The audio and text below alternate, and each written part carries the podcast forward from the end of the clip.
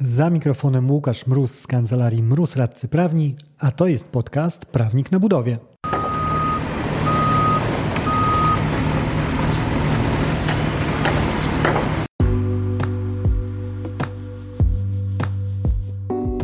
Z tej strony mikrofonu radca prawny Łukasz Mróz, a to jest podcast Prawnik na Budowie, w którym mówimy o wszystkim, co związane z kontraktami budowlanymi. Czy wykonawca może odmówić kontynuowania prac do czasu przekazania mu aneksu wydłużającego termin zakończenia robót? Takie pytanie postawiłem w ankiecie na swoich mediach społecznościowych, na prawniku na budowie, na Instagramie oraz na Facebooku. Wyniki no mocno wyrównane. 62 głosy dla odpowiedzi tak oraz 60 dla odpowiedzi nie, czyli niemal równe 50-50. Co ciekawe, Role się troszkę odwróciły w sekcji komentarzy, ponieważ zazwyczaj to prawnicy szafują tym hashtag to zależy i rzucaniem tym, że no cóż, być może tak będzie, aczkolwiek są pewne okoliczności, które wskazują na to, że może jednak tak nie być. Tym razem to osoby, które wypowiadały się w komentarzach, którym niewystarczające były te dwie opcje, wskazywały, no, że brakuje tu właśnie tej opcji to zależy i że jest to bardziej zniuansowane. I o ile jako przedstawiciel profesji prawniczej jak najbardziej w swojej skrzynce narzędziowej też mam hashtag to zależy, to w tym przypadku raczej bym po niego nie sięgnął. Ten wątek nie jest przypadkowy. Samo pytanie zaciągnąłem bezpośrednio z jednego e, z wyroków sądów apelacyjnych. Jeżeli pamięć mnie nie myli, był to wyrok sądu apelacyjnego w Szczecinie. I w tym konkretnym przypadku z całkiem dużym spokojem wpisałbym się w jednoznaczną odpowiedź i byłbym 61. osobą, która kliknęłaby odpowiedź nie. Przypominam, mówimy o samej kwestii aneksowania terminu, bo i takiego problemu dotyczył właśnie ten wyrok sądu apelacyjnego w Szczecinie. I cała kwestia sprowadza się do tego, że sąd zadał i stronom, i sobie pytanie: No dobrze, drodzy Państwo, chcieliście tutaj zatrzymać roboty z uwagi na brak aneksu. Nie wiem, czy tam przypadkiem w ogóle nie poszło oświadczenie o odstąpieniu. Tak, teraz mi, teraz mi świta, że tak właśnie było. Z uwagi na to, że nie dostał wykonawca tego aneksu i w tym upatrywał naruszenia zasad współpracy przy realizacji umowy ze strony inwestora.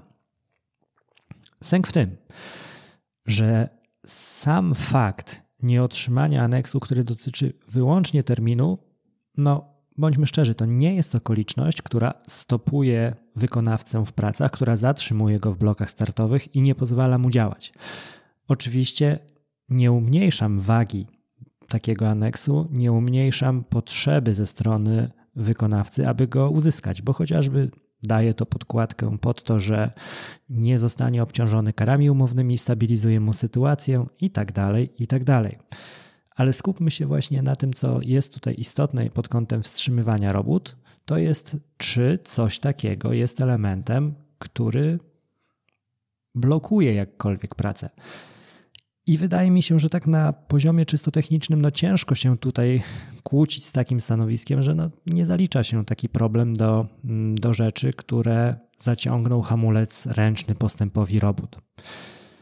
Jak mogłoby rzutować takie, mm, taki brak aneksu w dłuższej konsekwencji na e, działania wykonawcy, bo po odpowiednim upływie czasu mogłoby się okazać, że ta kwestia wyjściowa, czyli ten aneks, rzeczywiście e, da już podstawy do mm, bardziej zdecydowanych kroków wykonawcy, chociażby e, do odstąpienia od umowy, nawet do tego najbardziej poważnego kroku, a właściwie już skoku można powiedzieć, bo wyskakuje wtedy wykonawca z inwestycji. E, przyjmując taki hipotetyczny scenariusz, jeżeli mamy tą odmowę aneksu, odmowę zmiany terminu, e, termin nam upływa i nagle inwestor w związku z upływem tego terminu z pierwszej faktury wykonawcy wystawionej po tym terminie dokonuje potrącenia kar umownych. Oczywiście przyjmujemy scenariusz, w którym e, rzeczywiście były podstawy do aneksowania terminu jednak e, umowa była skonstruowana tak, że nie nakładała na inwestora obowiązku napisania tego aneksu, ale jedynie taką możliwość i z tej możliwości on nie skorzystał. Dla czystości przyjmijmy też, że tą przyczyną e, przedłużenia była rzecz leżąca wyłącznie i bezspornie po stronie zamawiającego, czyli wszystko, co potrzebne do aneksu było, z wyjątkiem woli samego najbardziej zainteresowanego, czyli inwestora. I w takim przypadku mamy dość proste rozumowanie. Jeżeli mm, tak naprawdę ta nieterminowość leży po stronie inwestora, ja jako wykonawca za nią odpowiadać nie mogę, karami umownymi obciążony być nie mogłem, bo one tak naprawdę nie istnieją. W związku z tym mamy taką samą sytuację, jakby nie wypłacono mi całego wynagrodzenia, mówiąc, że nie zapłacę, bo mam pusto w kasie.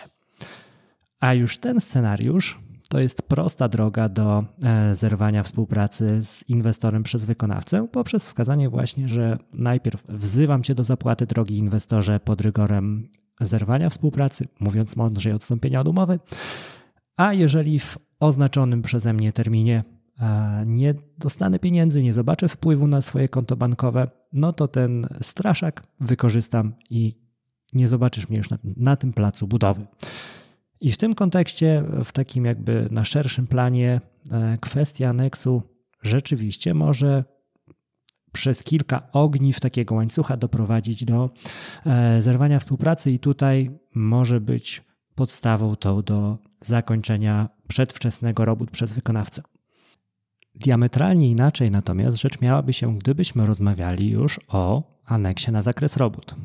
Znowu załóżmy, że mamy tak obiektywnie rzecz, która jest bezsprzecznie robotą dodatkową.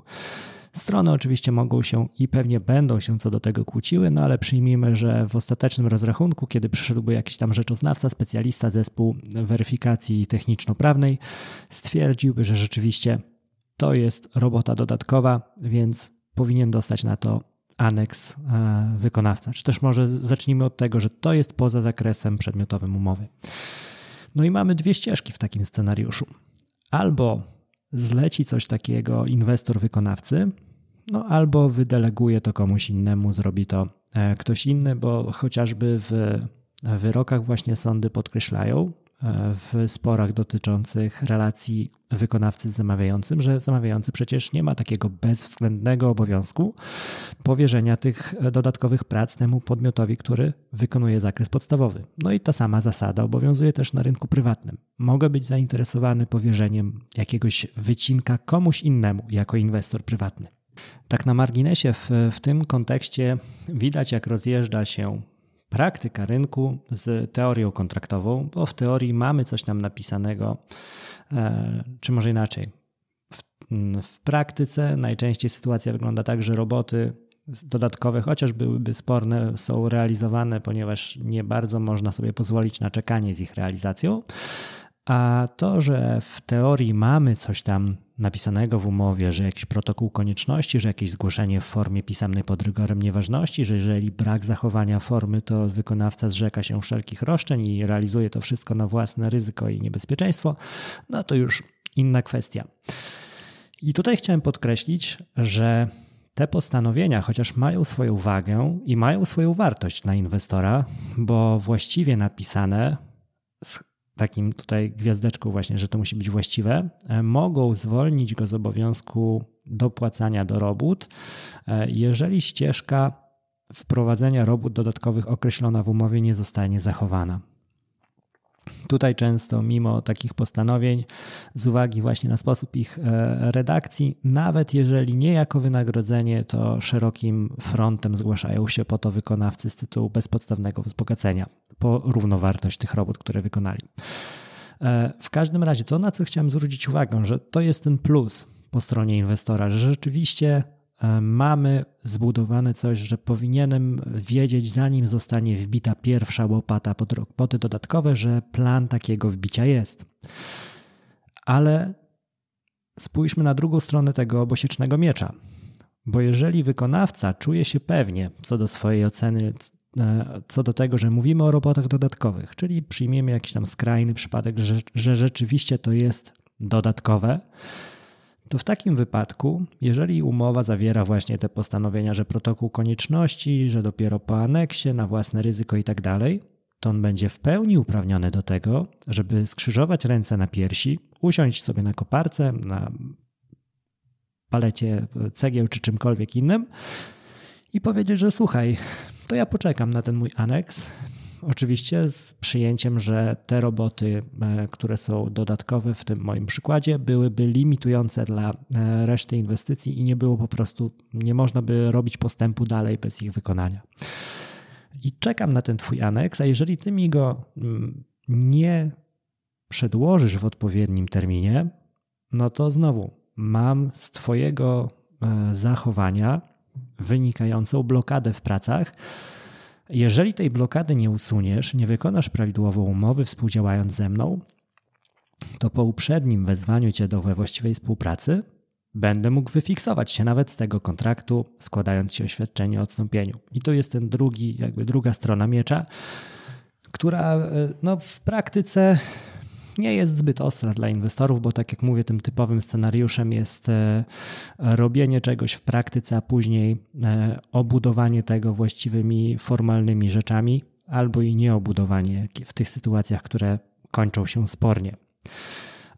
I w takim przypadku w tym kontekście ten aneks, no to już będzie zupełnie inna kwestia niż aneksu dotyczącego wyłącznie terminu, bo tu już rzeczywiście, jeżeli mamy wprost zastrzeżone, że umowa wymaga aneksu dla robót dodatkowych, że wszelkie zmiany bez zachowania tego form, w tej formy aneksu to jest e, nieważność, że mamy utratę wykonawcy prawa zgłaszania jakichkolwiek roszczeń, jeżeli nie zachowa tych form i tak to tutaj jak najbardziej brak tego aneksu byłby już podstawą do zahamowania prac.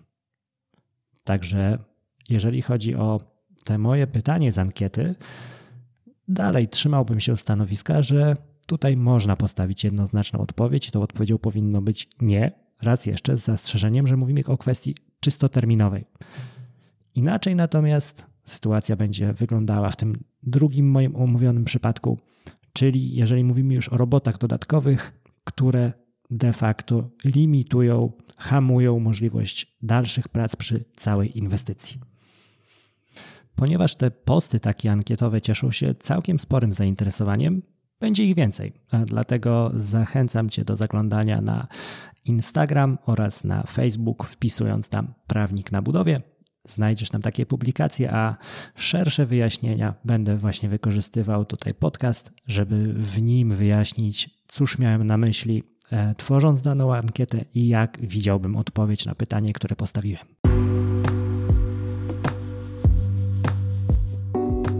Dzięki za odsłuchanie tego odcinka. Zasubskrybuj podcast, żeby nie umknęło Ci żadne kolejne nagranie.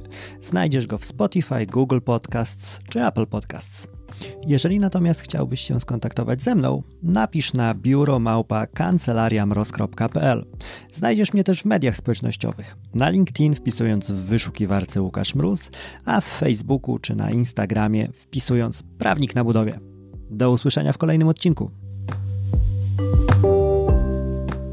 Dzięki za odsłuchanie tego odcinka. Jeżeli chcesz się ze mną skontaktować, możesz napisać na biuro małpa kancelariamroz.pl albo zadzwonić na 577 665 077. Znajdziesz mnie też w mediach społecznościowych.